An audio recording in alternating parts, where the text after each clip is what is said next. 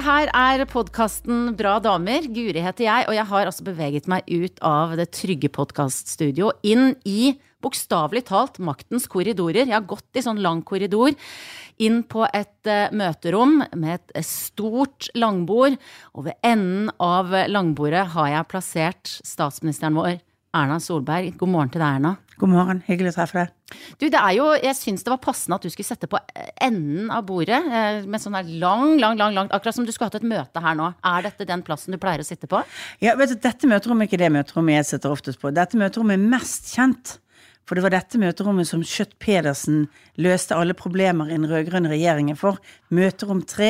Det tror jeg det var en egen sak om, jeg tror jeg DN eller noe sånt, Oi. om alt som skjedde på møterom 3. Ja. Eh, så statsministeren har egentlig noen andre møterom, men dette møterom 3, dette var eh, domene hvor man da løste problemene mellom Arbeiderpartiet og SV og Senterpartiet den gangen. Ja. Oi, Er det noe av det vi kan ta med oss inn i denne praten her, syns du? Liksom jeg vet jo ikke så mye som skjedde innenfor det, det var jo en annen regjering, så det, jeg vet ikke det. Men, eh, men det er liksom Møterom 3 var liksom et uh, begrep for noen år tilbake. Det har dødd litt ut nå, da. Ja, vi, vi løser tingene i regjeringen, ikke utenfor regjeringen. Ja, nettopp. Ja, da fikk du sagt det også, Erna. Men nå får vi, vi, vi sette vårt preg på Møterom 3, da. Og jeg var jo Jeg har aldri vært her på statsministerens kontor kontor i dette bygget i det hele tatt, mm. var altså utafor døra her i går kveld. Ja. Jeg var så redd for å ikke eh, komme tidsnok eller finne fram, så jeg måtte liksom sjekke det for å ha sjelefred. Og jeg tipper at Altså, jeg er jo ikke den første som har gjort det. Det er jo noe med, med, din posisjon og hele denne institusjonen som gjør at folk gjerne blir litt nervøse, ydmyke, eh, alt mulig ting. Hva, hvordan oppfatter du det fra din kant, at folk gjerne har litt sånn Blir litt satt ut, kanskje, av å være her, møte deg? Ja, altså det Du merker jo det. Jeg tenker at det er litt sånn rart, for jeg tenker at jeg er fortsatt Erna og eh, Men jeg merker jo innimellom at eh, rollen gjør at folk får et annet forhold, på godt og vondt eh, pleier å si, det gjør jo også faktisk at de er villige til å snakke om vanskelige ting, og gjerne vil fortelle statsministeren om livet sitt som de kanskje ikke ville fortalt alle andre, fordi de vil at du skal få innblikk. Og så er det jo litt sånn, på grunn av sikkerheten inn her, så er det jo også litt sånn det er jo sånn barriereskremmende. Først skal du inn én port, og så skal du inn én port til, og legitimere deg i begge stedene og sånn. sant? Det er jo der vi er kommet Dette er jo egentlig Forsvarsdepartementet. Før, før 22. juli så var dette Forsvars nyopprettet, altså ny, ny, ny, bygning som Forsvarsdepartementet hadde flyttet inn i. Men så flyttet jo statsministerens kontor inn i deler av dette. Vi er fortsatt deler jo det med Forsvaret i deler av bygget. Mm. Men du sier det at folk eh, Ofte så blir de liksom mer åpne fordi at de vil at du skal ha innblikk i situasjonen. Hva slags historier er det du får servert? Altså, det er jo mange sånne historier som dreier seg om liksom, møtet med uh, helsevesenet sant? på det vanskeligste. Altså, jeg husker veldig godt at jeg var i, på sykehuset i Mo og på deres palliative avdeling, eller palliative sengeplasser er det vel egentlig, og snakket med en, en mann som da hadde hatt kreft og lå egentlig for døden. og fortalte, Han og familien fortalte om hvordan det var. Og det er jo sterkt i og for seg når du vet at mannen ligger helt for døden, og to-tre dager etterpå døde han. Sant? Mm. Da, da, tenker du liksom at de hadde lyst til å fortelle og snakke om hva de syntes var bra, hva som ikke hadde fungert helt i begynnelsen og sånt, på det tidspunktet. Ehm, eh, det er et privilegium, på en måte, eh, som, som eh, man skal ta med seg.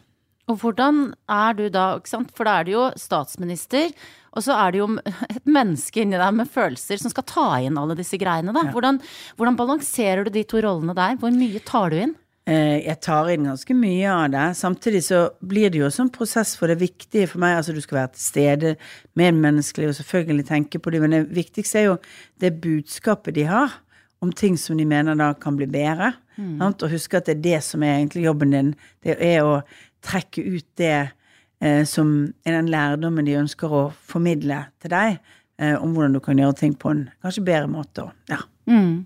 Men hold, må du holde igjen av og til? Jeg bare tenker ja, på Ja, ja, det hender jo du må holde igjen. Og, altså, jeg er jo lettrørt, altså, både når du blir sorg og glede på sånn andre Jeg griner ikke mye på egne vegne. Det, si sånn, det gjør jeg jo aldri. Når men, gjør du det egentlig? Nei, det gjør jeg aldri. Det er ikke Aldri? Nei. Ikke på egne vegne. Nei. Men jeg er veldig lettrørt på andre. Altså sånn alt fra fin musikk til barn som synger en tåpelig eh, story på TV, altså sånn, sant. Da er det litt sånn. Men eh, ja.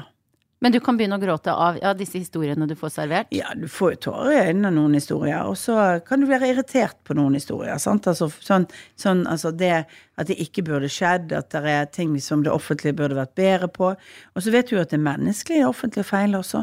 Det er personer der også som har en dårlig dag på jobben, som eh, som eh, gjør en feil beslutning. Sant? Det må vi jo gjøre. Tenke på de legene som av og til står i veldig veldig vanskelige situasjoner, og i et uh, lite sekund så gjør de en feil. Sant? Og så tenker vi at uh, alt skal være perfekt i helsevesenet, men det kommer jo aldri til å bli det. Feil skjer. Det er jo noe av det mm. jeg vet leger må lære seg veldig tidlig å vite at de kommer ikke til å klare å gjøre alt 100% hele tiden. Men det er derfor det er så viktig at vi lager systemer og rutiner og Eh, og har sjekklister og gjør det. Altså, det er jo litt sånn det er blitt etter hvert på sykehus, på akutten og alt mulig sånn. Litt sånn som når du Jeg vet ikke om du har sittet i cockpit noen gang hos eh, Nei, jeg har altså, ikke det. Nei, jeg har fått sitte foran noen ja, ganger på klappsettet. Sånn, så hører du liksom eh, styrmannen og, og, kapteinen som sjekker hele greien rundt det. Det gjør de jo på sykehus nå, fordi vi har jobbet masse med kvalitetsarbeidet. Mm. Sånn. Eh, og så tenker du at det burde ikke vært nødvendig, for alle kan det jo. Men i det øyeblikket så er det der med sikkerhetsrutiner viktig. Eh, men vi må lære oss at det skjer feil. Mm. Og vi må tåle at noe går galt i vårt samfunn, for vi er, vi, klarer, vi er mennesker, og det er alt vi driver med, kan ha en risiko. Og da tenker jeg, altså Dette er jo sånn mantra som jeg sier til meg selv av og til. Hvis jeg skal ha direktesending, så vet du at ja, men heldigvis, det handler ikke om liv og død. Så hvis jeg driter meg ut, så er det jeg som driter meg ut. Mm. Punktum.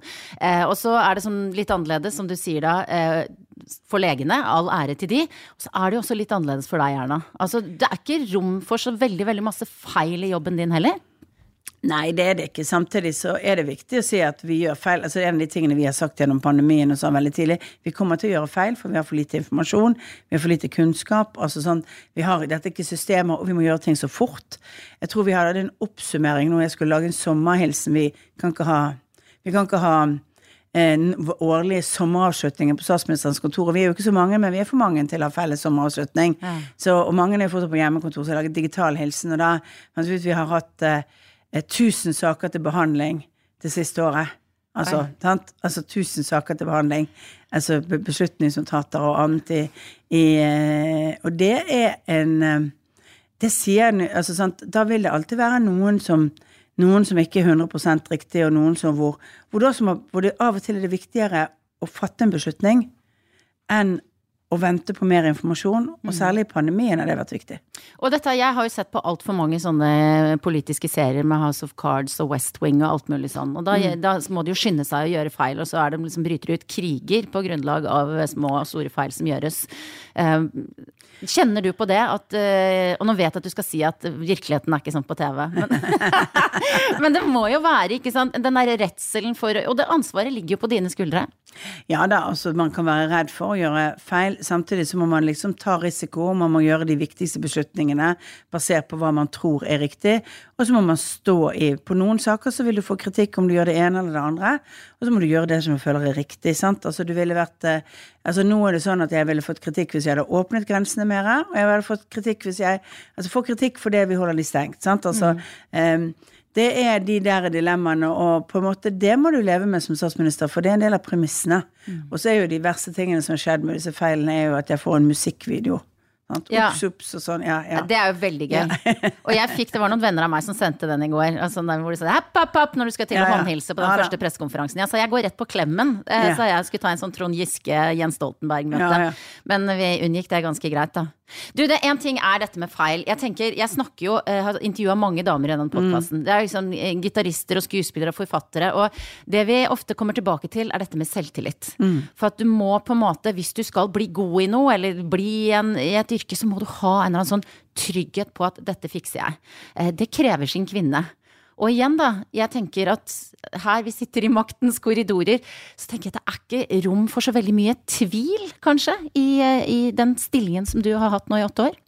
Eller eh, du kan være ærlig på tvilen. Jeg tror folk, eh, folk har forståelse for at, eh, at eh, i noen saker så er det ikke Så kan noen, noen eh, områder, altså noen ting du vektlegger, gjør at du ville fattet den beslutningen, noen ting ville gjort den. Og så er det vektlegging mellom de tingene, og selvfølgelig er det tvil. Er det riktig å gjøre de vektleggingene? Jeg tror at det norske folket er, er, er veldig forberedt på politikere som av og til gir uttrykk for tvilen. Jeg er litt usikker på om politiske journalister er det, eller man gjør liksom sånn voldsomt eh, Det er jo litt sånn at i norsk politikk så er det kanskje litt for lite Altså det er så lite drama at man gjør små ting til større ting hele tiden. Mm. Eh, for å skape forskjeller og skape, skape skiller. Og um, derfor er det jo uh, og det er kanskje bra, det, for det, det, skal jo være oppmerksomhet og diskusjon. Men det hender jo at jeg møter folk eller ikke, ikke bare hender det, er ganske ofte jeg møter folk som er litt oppgitt over hva det politiske fokuset er. Så sier jeg at det er faktisk ikke det politiske fokuset, men det er det som er det, For det mesteparten av politikken i Norge dreier seg om å finne gode løsninger, ganske brede fellesskap på lang sikt. Men det som det blir oppmerksomhet om, det er de tingene som skiller, sant? og det er mm. naturlig fordi at man skal synliggjøre sine partier.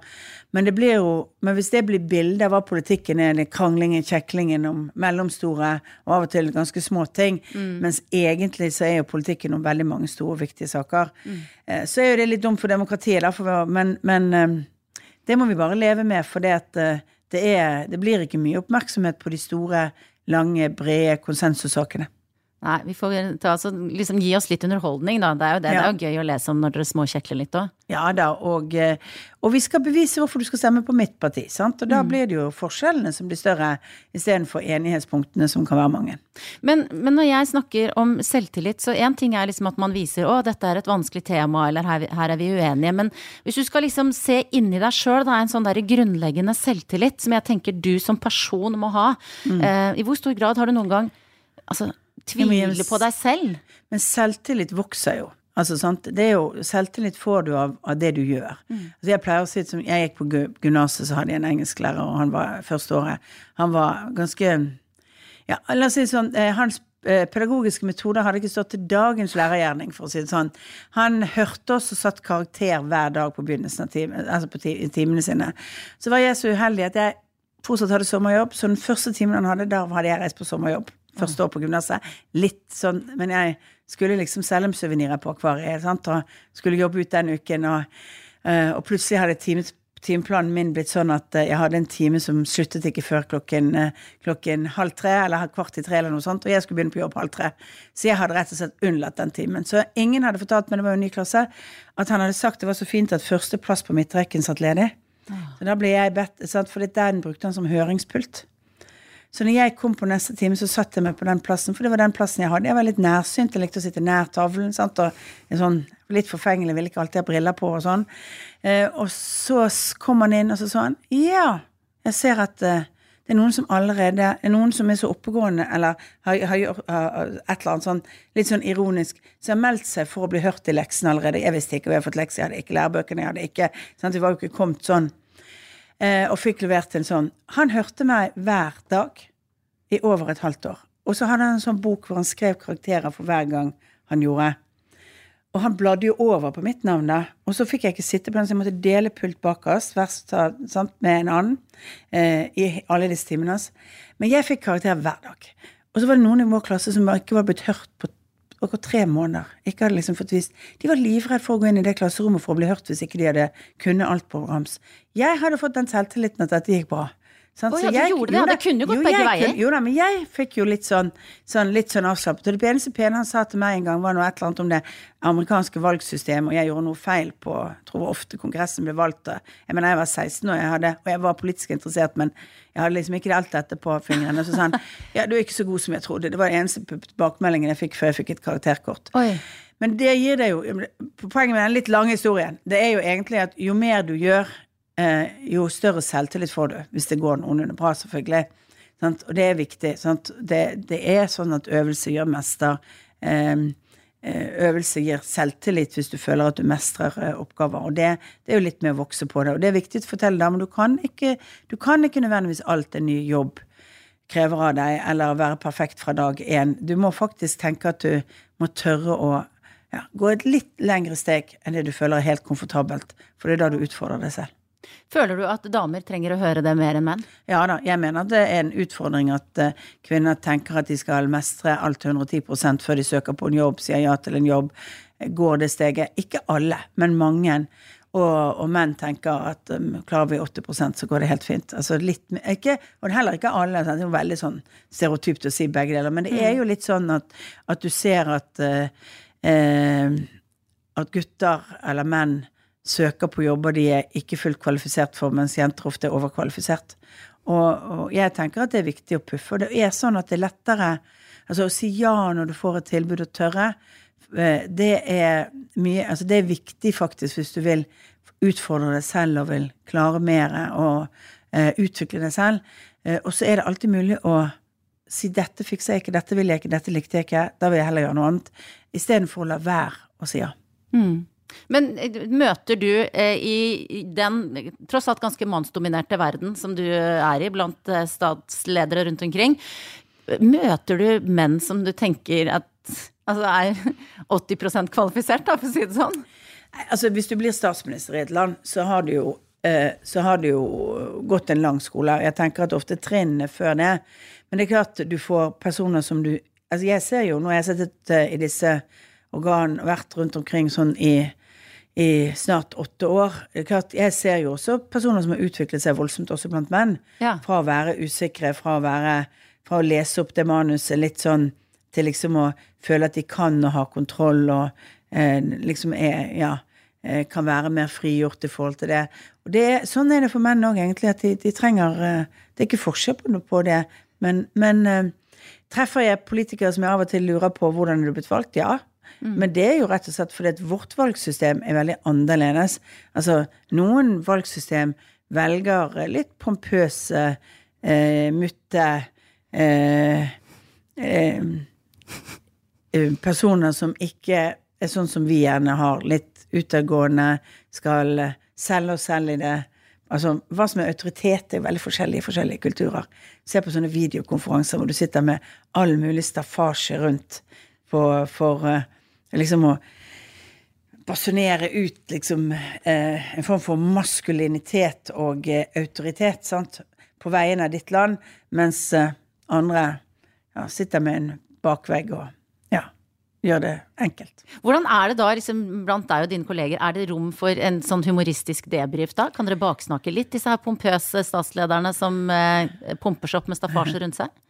Det kan jo hende at man eh, kan gjøre det. Disse videokonferansene, så er det jo ikke eh, Ja, eh, så er det jo ikke så lett å ha smalltalk, for det, vi ser hverandre ikke helt i den rommet. Men, men eh, det hender jo at, at man har en morsom replikk om hverandre, eller om andre, eh, i sånne ting. Det er ikke så veldig lurt. Jeg tror da. Hadde jo en om, eh, om, eh, om Trump på mottagelsen til dronning Elisabeth på forrige Nato-toppmøte. Den havnet jo litt i media. Ja. Det, det kan jo skje. Den beste. Mm. Ja da, så det er lurt å ikke eh, Men, men eh, eh, det er klart, er du i FN, noen har holdt en voldsom tale eh, på, Altså sånn eh, Skjelt ut alle andre. Eh, og det er jo noen av de som gjør det, som kommer og har stort aggressivitet i talene sine. Så, så er det klart, da blir det jo litt Kanskje litt kommentarer etterpå når man treffes om urimeligheten i det. Nå har jeg sånt bilde oppi hodet av deg som 16-åring som sitter her på første rad eh, med eller uten briller og blir spurt ut av denne eh, strenge engelsklæreren. Du nevnte så vidt at du var forfengelig og ikke ville gå med briller, men hvordan var du ellers, hvis du skal beskrive hvordan du var da på den tida? Um, altså jeg var jo veldig politisk interessert. Uh, veldig opptatt av uh, likestilling, kvinnespørsmål. Uh, jeg hadde vært, eller jeg var vel akkurat fortsatt da speiderleder, og var jo opptatt av sånn rettferdig verden og alt sånt. Eh, Jeg derfor meldte jeg meg inn i Unge Høyre. Det er mange som tenker at det er så rart, men det er jo ikke det.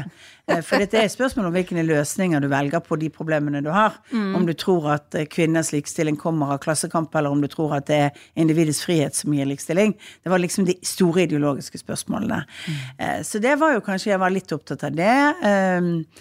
Og ellers så var jeg sånn Ja. Jeg tror ganske Jeg var sikkert litt, litt, litt mer sånn seriøs på det jeg gjorde utenfor når jeg var 16 år. Altså fordi jeg der både var speiderleder og etter hvert meldte meg inn i Unge Høyre og begynte å bli politisk aktiv og sånt. Eh, Men jeg var jo vitebegjærlig, interessert, eh, eh, opptatt av samfunnet. Så hadde du en gjeng med gode venner fra barneskolen, og vi plutselig begynte ungdomsskolen, så plutselig begynte vi på forskjellige videregående og sånn. Så ble du liksom dratt litt mellom litt ulike miljøer og den typen ting. Ja. Ja, hvilke miljøer var det du ble dratt med? Om? Altså jeg ble jo, altså jeg, Når du blir med i et politisk ungdomsparti, så er det jo, det er jo ofte et veldig intenst arbeid. Sånn, eh, det ser du nesten på alle. Det blir, det blir, eh, du jobber veldig mye, og du er mye sammen med, med de, og jeg sluttet jo å være speiderleder, og, eh, fordi det ble liksom ikke tid til det. Og så forsøkte jeg å holde på mine gamle venner fra, fra, og venninner fra, fra barne- og ungdomsskolen. Så du hadde liksom, Men samtidig så blir jo borte et unge høyremiljøet og litt den klassen du gikk i på videregående, og sånn, så det blir litt sånn dradd mellom ulike, mellom ulike miljøer. Var du veldig ordentlig? Eh, Nei, jeg var jo ikke altså, hva var, var jeg ordentlig? Altså, jeg var jo ordentlig i den formen av at jeg eh, eh, forsøkte jo å gjøre skolearbeid og sånt, men jeg festet jo, og jeg drakk, altså sånne ting, ja. Er det nå jeg skal spørre om du har tatt narkotika? Ja, og da er mitt svar på det at jeg svarer aldri på sånne spørsmål. Det har jeg hatt som prinsipp hele tiden, og det er fordi at jeg ikke ønsker at noen skal, at vi skal bidra til denne terskelsenkningen, uansett ved at alle mulige kjendiser sier at dette er helt greit, eller fint, Ja, eller et eller annet sånt. Ja. Så for meg er dette et prinsipielt spørsmål i hele mitt politiske liv, at jeg sier at sånne spørsmål mener jeg faktisk ikke at folk skal svare på.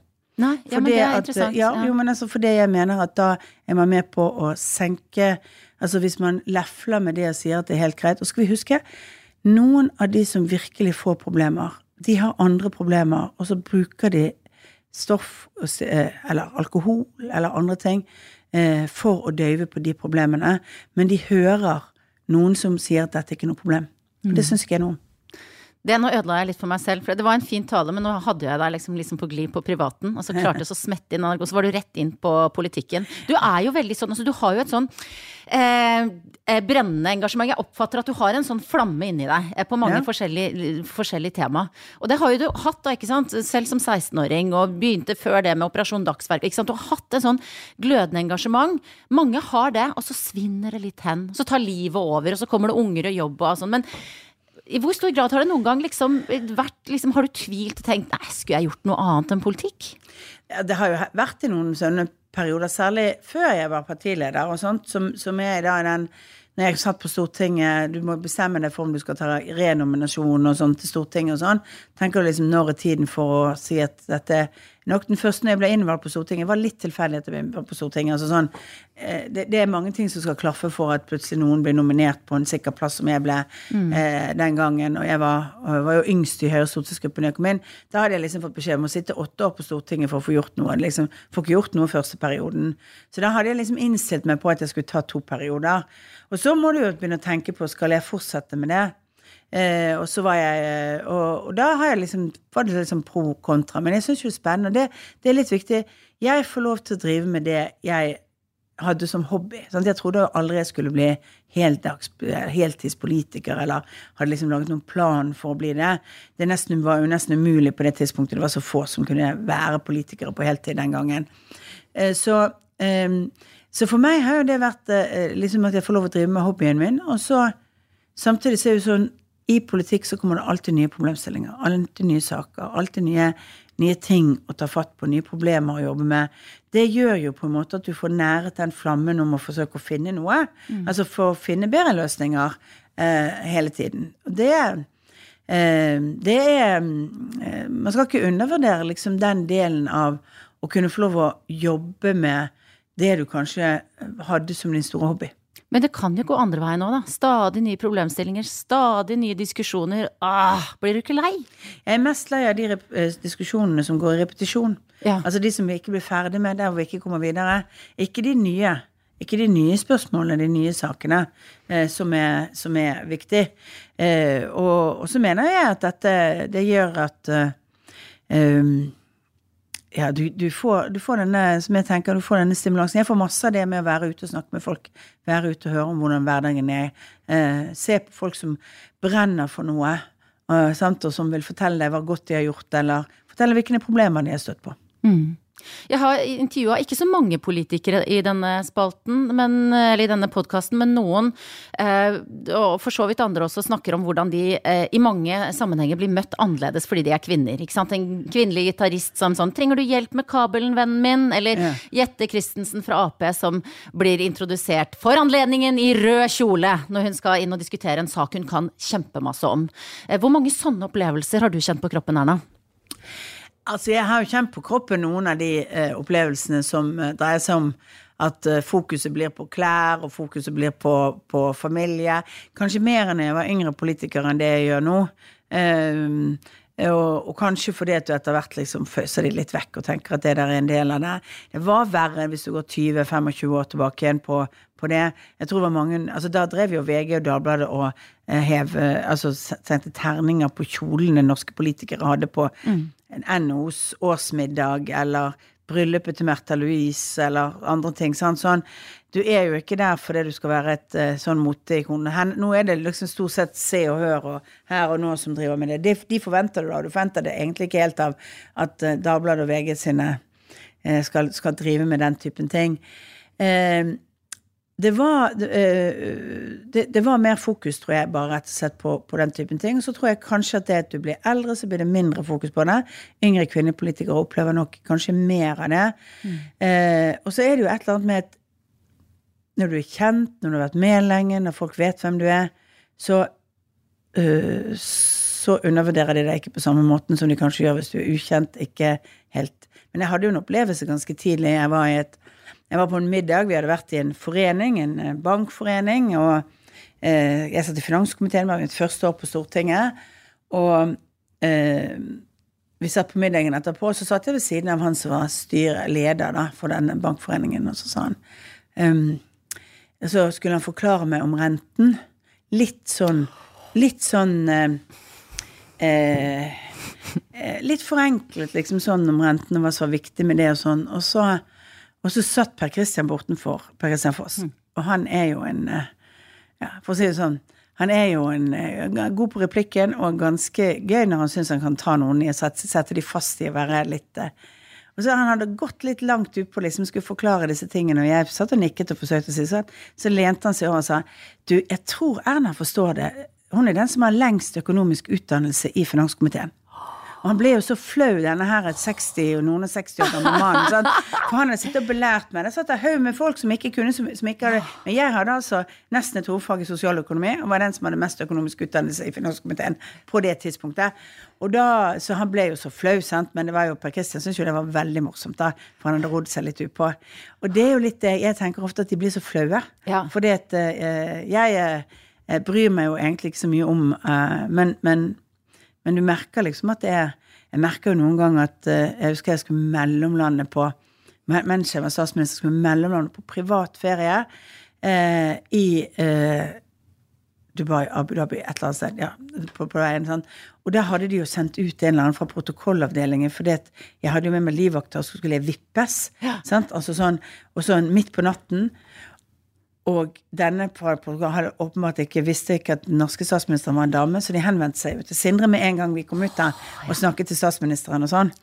Og, så han ble veldig flau når han skjønte at det var meg ja. Ja, som, var, som, var, statsministeren. Og jeg var jo egentlig litt feriemodus. Jeg var jo ikke heller kledd som sånn statsminister på offisielt besøk. Du hadde liksom hawaiiskjorta på, du. Ja, helt... Ikke akkurat så hadde jeg sånn sommerkjole og litt sånn du skal overleve i, i et fly på, på, på to distanser. Men, så, men, dette her er jo helt fantastisk, fordi at alle skulle hatt en da Per Christian Foss som kan komme med den kommentaren. Eller som du tenker liksom le litt av det og heve deg over det. Eh, for det er jo veldig mange jeg snakker med som finner ut liksom hva er løsningen? For det er jo ikke alltid vond vilje. Det er bare ignoranse.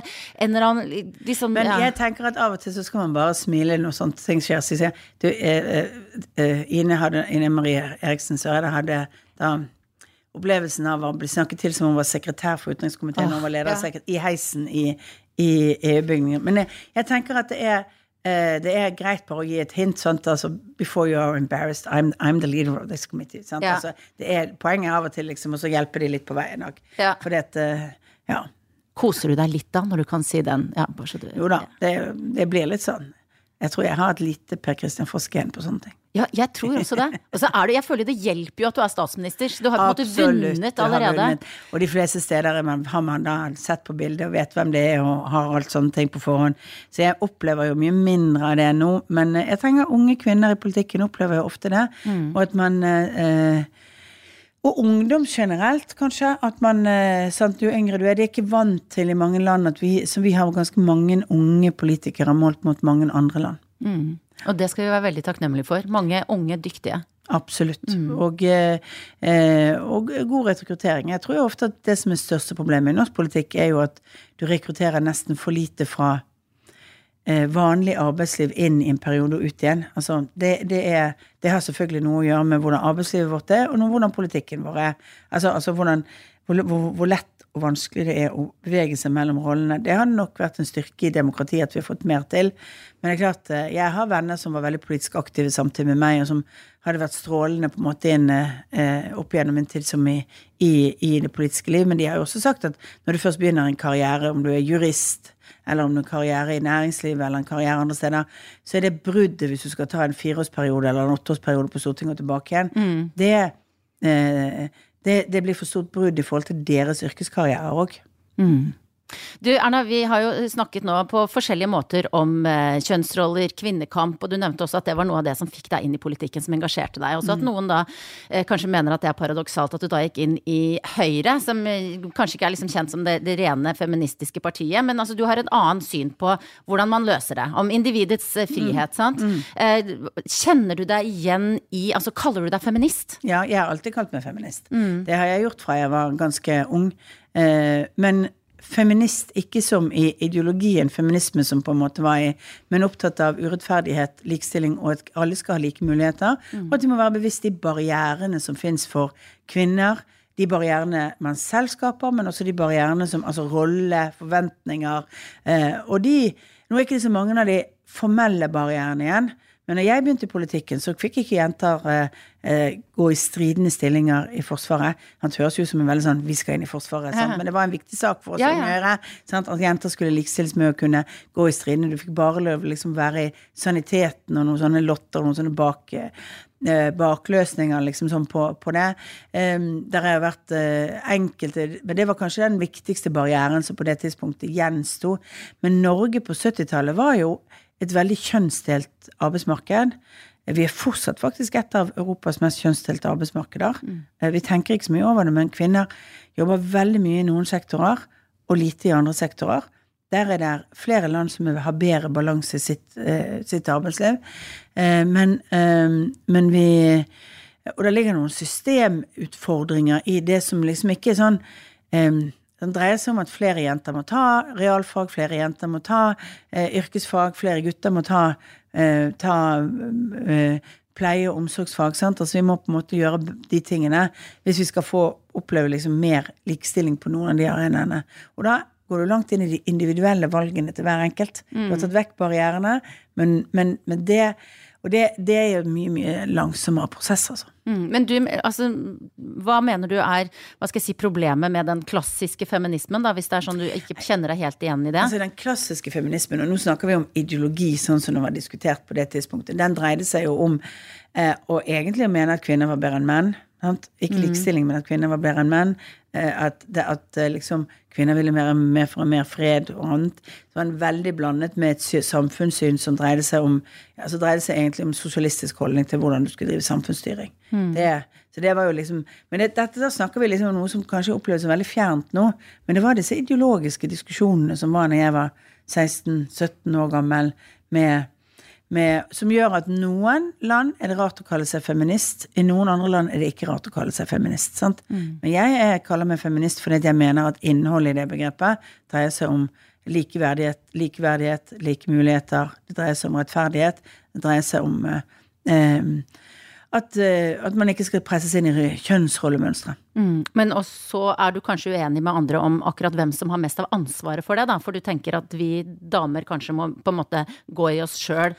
Eh, og hente den selvtilliten, eller søke ja, på den jobben, men, eller? Eh, men jeg mener jo også, og det mener jeg er et utfordring, det finnes fortsatt eh, Det finnes fortsatt eh, fordommer, eh, lettere tilgang til, til jobber og makt og, og utvikling for gutter. Mm. Og dette dreier seg om hvordan vi oppdrar både jenter og gutter til å ta sin plass. Altså, sant? Det er ikke, det men altså, hvordan du, det dreier seg om hvordan vi av og til i kvinnekultur eh, kan oppleve at man liksom, du skal ikke stikke det så mye frem, du er litt enda mer redd for å være eh, frempå. Mm.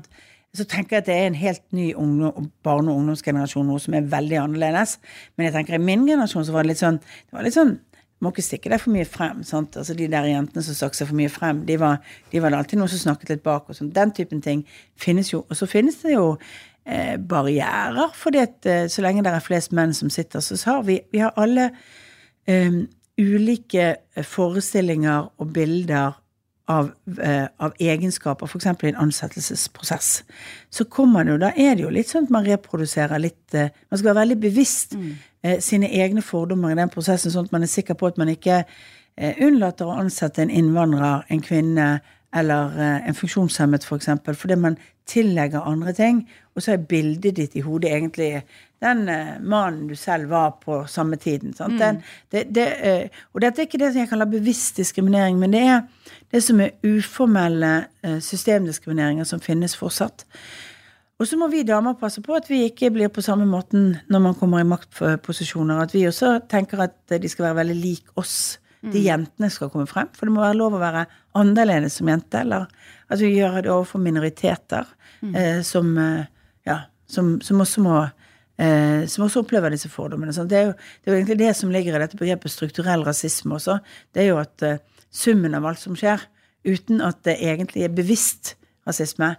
Men dette er jo så voldsomt vanskelige diskusjoner, for i en tabloid verden så høres det ut som Sier du strukturell rasisme, så er det noen som sier ja, det betyr at noen sitter der og bestemmer at noen ikke skal få muligheter, sitter der og er, er rasist. Men det er jo bare det at systemet vårt det er sånn at ja, du, du tillegger andre folk de, eh, egenskaper kunnskaper og annet, og så ender man opp med en sum av at det er vanskelig å komme inn i arbeidsmarkedet for en som kommer med ikke god nok norsk, eller ikke kommer til eh, som, som kommer med en bakgrunn fra et annet land og med et annet, eh, et annet navn.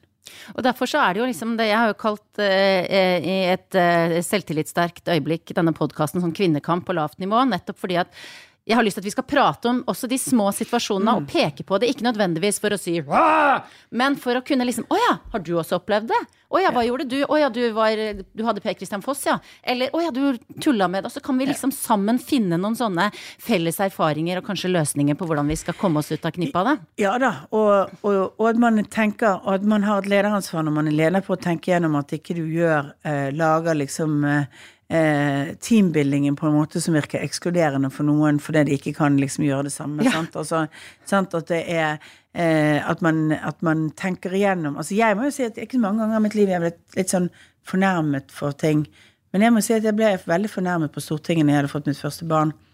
Og de har, hvert fjerde år så har de en avsluttende middag. Den er utsatt i år for øvrig. Eh, skulle vært nå til helgen, men den er utsatt for det pga. pandemien. Men det, det, det er den eneste gangen stortingsrepresentanter med ektefeller blir invitert til en stor middag som Stortinget holder for alle stortingsrepresentanter. Og jeg hadde fått barn i begynnelsen av april. Denne middagen var i juni. Jeg ble ikke invitert. For jeg hadde jo vært sant. Dette var faktisk når det var en kvinnelig, eh, kvinnelig stortingspresident på det tidspunktet. Da må jeg innrømme at da tok jeg da, da, da, da ga jeg syrlig beskjed om det til noen som ga beskjed videre om det. For, det, for jeg tenker at det er så utrolig dårlig måte å behandle folk som er vekke pga. graviditet. Du har, altså sittet i, du har sittet i denne stortingsperioden i tre år og ni måneder. Men de siste tre månedene, da er du i, i permisjon. Og da er du liksom bare ute, da er du ikke med, da, ikke, da skal ikke din mann bli invitert, eller noen. Sant? Sånn, sånn. Og det husker jeg, og jeg tenkte at det var litt sånn irrasjonelt for meg, for liksom at jeg ble, tenkte at det var litt sånn ammetåk. Men det var, du telles ikke med. Og det, er, det har jeg vært veldig bevisst på etter det. liksom sånn, Folk som er i permisjon, skal telles med. Folk skal liksom høre fra. Arbeidsgivere må være opptatt av det. Ikke bare tenke at nå er de vekke i seks måneder, og så kommer de tilbake igjen, eller et eller annet i den duren. Eh, og, og det tenker jeg at vi må være litt flinke på. Ja.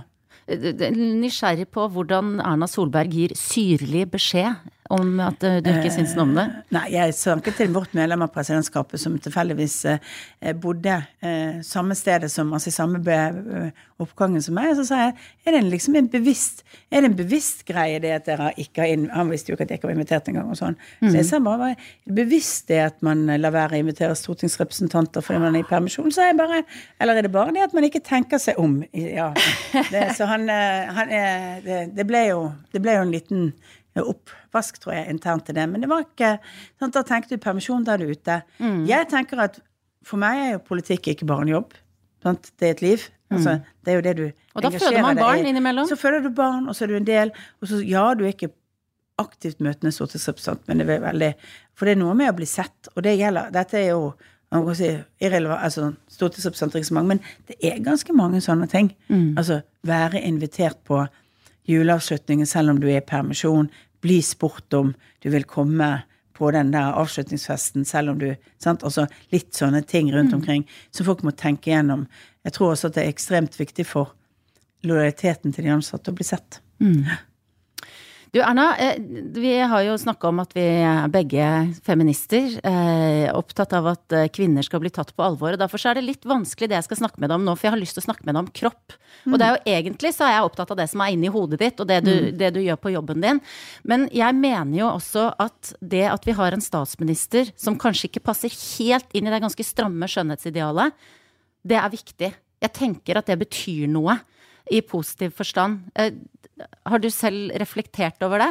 Eh, eh, jeg har jo, En gang da jeg var kommunalminister, så gjorde jeg et intervju og jeg sa nettopp det at det er jo Jeg får jo tilbakemelding på at særlig den gangen at Den gangen når jeg egentlig var ny politiker for mange, selv om jeg ser på Stortinget en god stund, men du blir kjent, at det var greit at ikke alle skulle være A4 eh, pen, se ut som du liksom var jobbet på TV, sant? Altså, eller- Peker altså Erna på meg, for jeg er dritpen! Bare. ja, ja, absolutt. Litt bustete på håret. Ja, men, mm. men, eh, jo, men altså at, den, at den malen ikke kan settes for at det er mulig å gjøre karriere og alt mulig sånt. Og det tenker jeg det er en sånn trygghet i det eh, for folk. Og jeg tror at det er greit, og jeg tror at det viser, det viser også at samfunnet vårt på en måte har noen andre verdier enn disse bare utenpå på verdiene. Mm. Og det tenker jeg at er bra. Og så tenker jeg at det er Men det er ikke et politisk statement at jeg veier for mye. Nei, det vil jo være, altså det vil jo være en, eh, en ganske sånn sterkt engasjement, i hvert fall. Nei, nei, det er ikke det. Eh, Men, men, eh, men har det holdt deg tilbake på noen måte? Eh, Selv, har det plaget deg? Nei, altså Veier du for mye, så er det selvfølgelig ting du eh, ikke eh, alltid føler er like enkelt å gjøre. Eh, men jeg tenker egentlig ikke så mye over det. Jeg har jo gjort mye rart. Stilt i tighte eh, overlevelsesdrakter, eh, blitt reddet opp av av Redningsselskapet og kjørt rafting og sånt. Så jeg mener at det, det skal man ikke være så opptatt av.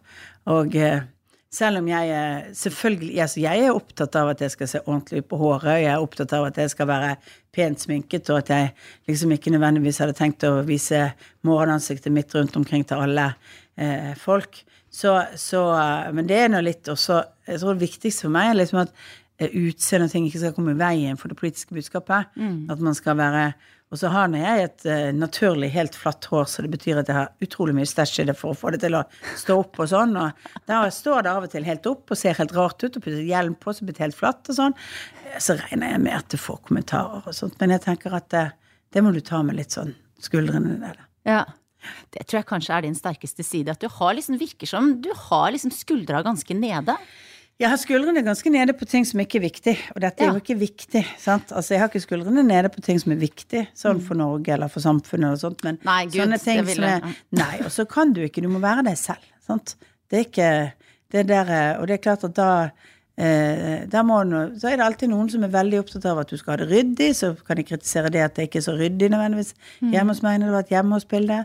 Eh, mine barn er jo litt fornærmet for, den, eh, for de oppslagene, fordi at eh, de hadde jo vært hjemme i ti dager før. Jeg og Sindre kom jo kvelden før, og de følte jo at de hadde ryddet mye. Oh, ja. sant? Etter å ha vært ti dager med ten, seint tenåringer med venner.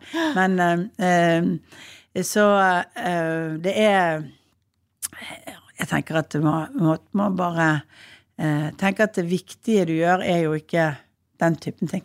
Nei. Og så er det jo, jeg ser jo at det, det er mye Det var en diskusjon, jeg så at til og med NRK tror jeg var med på det kjøret om at eh, på fremsiden av Vogue, var, Vogue eller et eller annet annet så var Camilla Harris i Converse, og at det passet ikke til rollen. Ja. Jeg er litt glad for at det ikke er der vi er i Norge. Ja. At du kan liksom ikke være statsminister fordi du går på flate sko. Ja. For å si det sånn, jeg går på flate sko. Ja. Og, eh, ja. Og du gjør det med stolthet. ja, og jeg tenker at det viktigste er at man kommer seg raskt frem. Ja, ja der er jeg så enig med deg.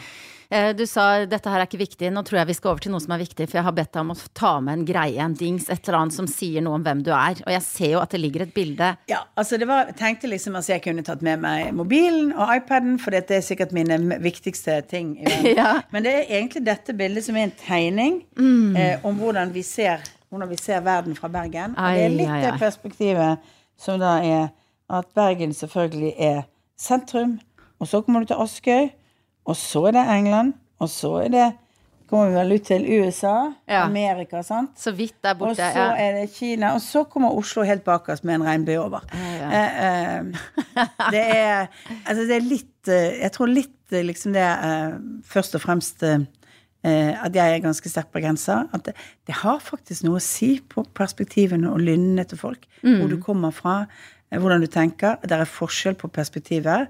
Eh, det er også forskjell. Du kommer inn Så kan jeg komme inn til, til, til Oslo og liksom eh, eh, Jeg er jo en del av den boblen nå. Sant? Jeg er en del av den politikerboblen. Jeg er en del av liksom, jeg har bodd lenge i Oslo i, med barn som har vokst opp på Oslo vest, og, og sånn, selv om jeg har hus i Bergen og forsøker å være mest mulig hjemme, så merker du jo på en måte at eh, eh, perspektivet Og dette kunne du gjort hvis du var fra Tromsø eller fra andre steder. Ja, Det andre perspektivet har faktisk en betydning også i politikken. Mm.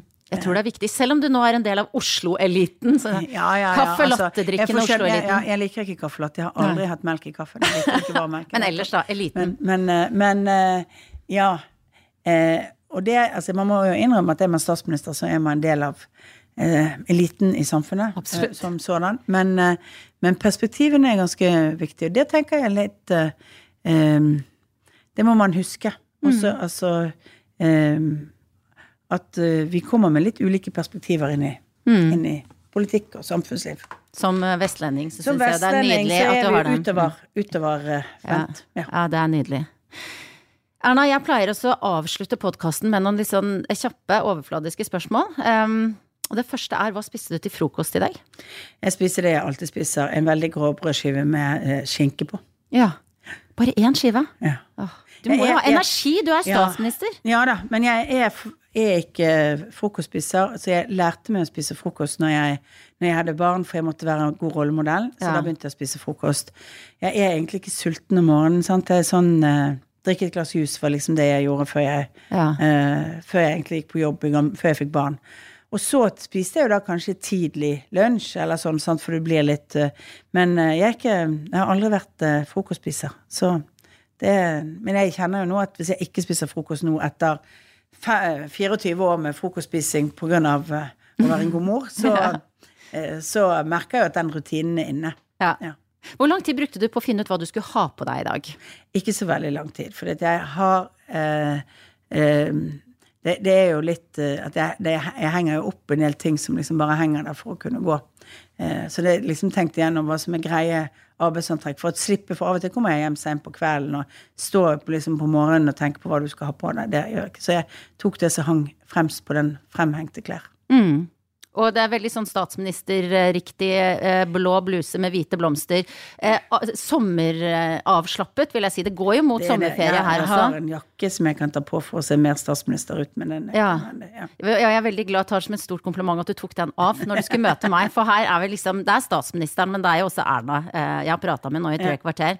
Og det er jo også interessant at jeg nå skal stille statsministeren det spørsmålet som jeg ofte er nervøs for å stille eh, alle, egentlig. Og det er spesielt å stille til deg også. Eh, Erna Solberg, når hadde du sex sist? Eh, eh, jeg har et godt samliv med min mann, men sexlivet vårt skal vi ha for oss selv. Og det er så bra, for jeg visste Jeg hadde på en måte var litt sånn spent på hvordan eh, du kom til å eh, svare på det, men du er ganske sånn kontant og fin eh, eh, når du svarer på den type spørsmål. Jeg har jo sett deg få spørsmål før, kanskje ikke så drøye, men, men på en måte som du tydelig ikke vil svare på. Eh, er den grensen din, eh, hvor den går Jeg skjønner jo den går sikkert et stykke før sexlivet, men hvor tar du det på magefølelsen, eller har du en sånn plan? Nei, jeg tar jo det på magefølelsen. Og så tenker jeg at det finnes en del ting som jeg ikke tenker at folk trenger å ha i hodet om meg. Ja. Det er eksempel når jeg hadde hatt sex sist, eller Ja. hva gjør hun i sengen, eller sånne ting. Jeg husker det var en gang jeg fikk sånn 60 spørsmål fra Se og Hør, og ett av de var om Om jeg likte sex? Ja, sa jeg. Og så, sant, sånn bare. Og da ble jo det selvfølgelig I de 60 så var det det som var oppslaget, sant. Erna liker sex! Ja, sant. Så da er det litt sånn Da tenker du at det kan du Ja. Ah, ja, men da lar vi den ballen ligge. Jeg skal bare avslutte med å stille deg et spørsmål som jeg også stiller til alle gjestene mine. At denne podkasten heter jo Bra damer. Eh, jeg har også gitt deg en kopp hvor det står Bra damer, ikke sant. Og det er helt åpenbart at jeg syns at du er en eh, bra dame. Hva syns du er kriteriene? Altså, hvordan vil du beskrive en bra dame? Altså, jeg mener jo at eh, det viktigste at en bra dame med en bra dame, det er jo at de er bra for andre damer òg. At de er opptatt av eh, å bidra til at, eh, at det blir bedre for jenter og damer og, i samfunnet. Og så mener jeg det er bra damer når du er, når du er helt ved, når du stiller opp og gjør de tingene du skal. Det er eh, det jeg ikke liker, er damer som driver med småintriger. Ja, det skal de bare ta og drite i. Ja. Ja. Og det er ikke, men jeg tenker at eh, det Norge, norske samfunnet er full av bra damer for tiden. Det er veldig mange flinke folk. Tror du neste gang jeg treffer deg at du er statsminister, Erna? Ja, Ja. helt sikkert. Oi! Vet du hva, der kom den gode bare- selvtilliten igjen. Ja. Man må ha det. Ja. Altså, man må gå inn i ethvert valg med den ydmykheten det er. At det Mm. er, du skal overbevise velgerne om, eh, om eh, at du fortjener det, og at ditt parti fortjener å bli stemt på. Men samtidig må du jo hele tiden tro at du kan gjøre det. Hvis Mm. ikke, så går det ikke. Jeg velger å si lykke til, jeg. Så skal jeg gjenstår å se om hvem som får min stemme, men i hvert fall lykke til og alt godt, Erna Solberg. Tusen takk for Takk at du du var med i podkasten min. Hyggelig.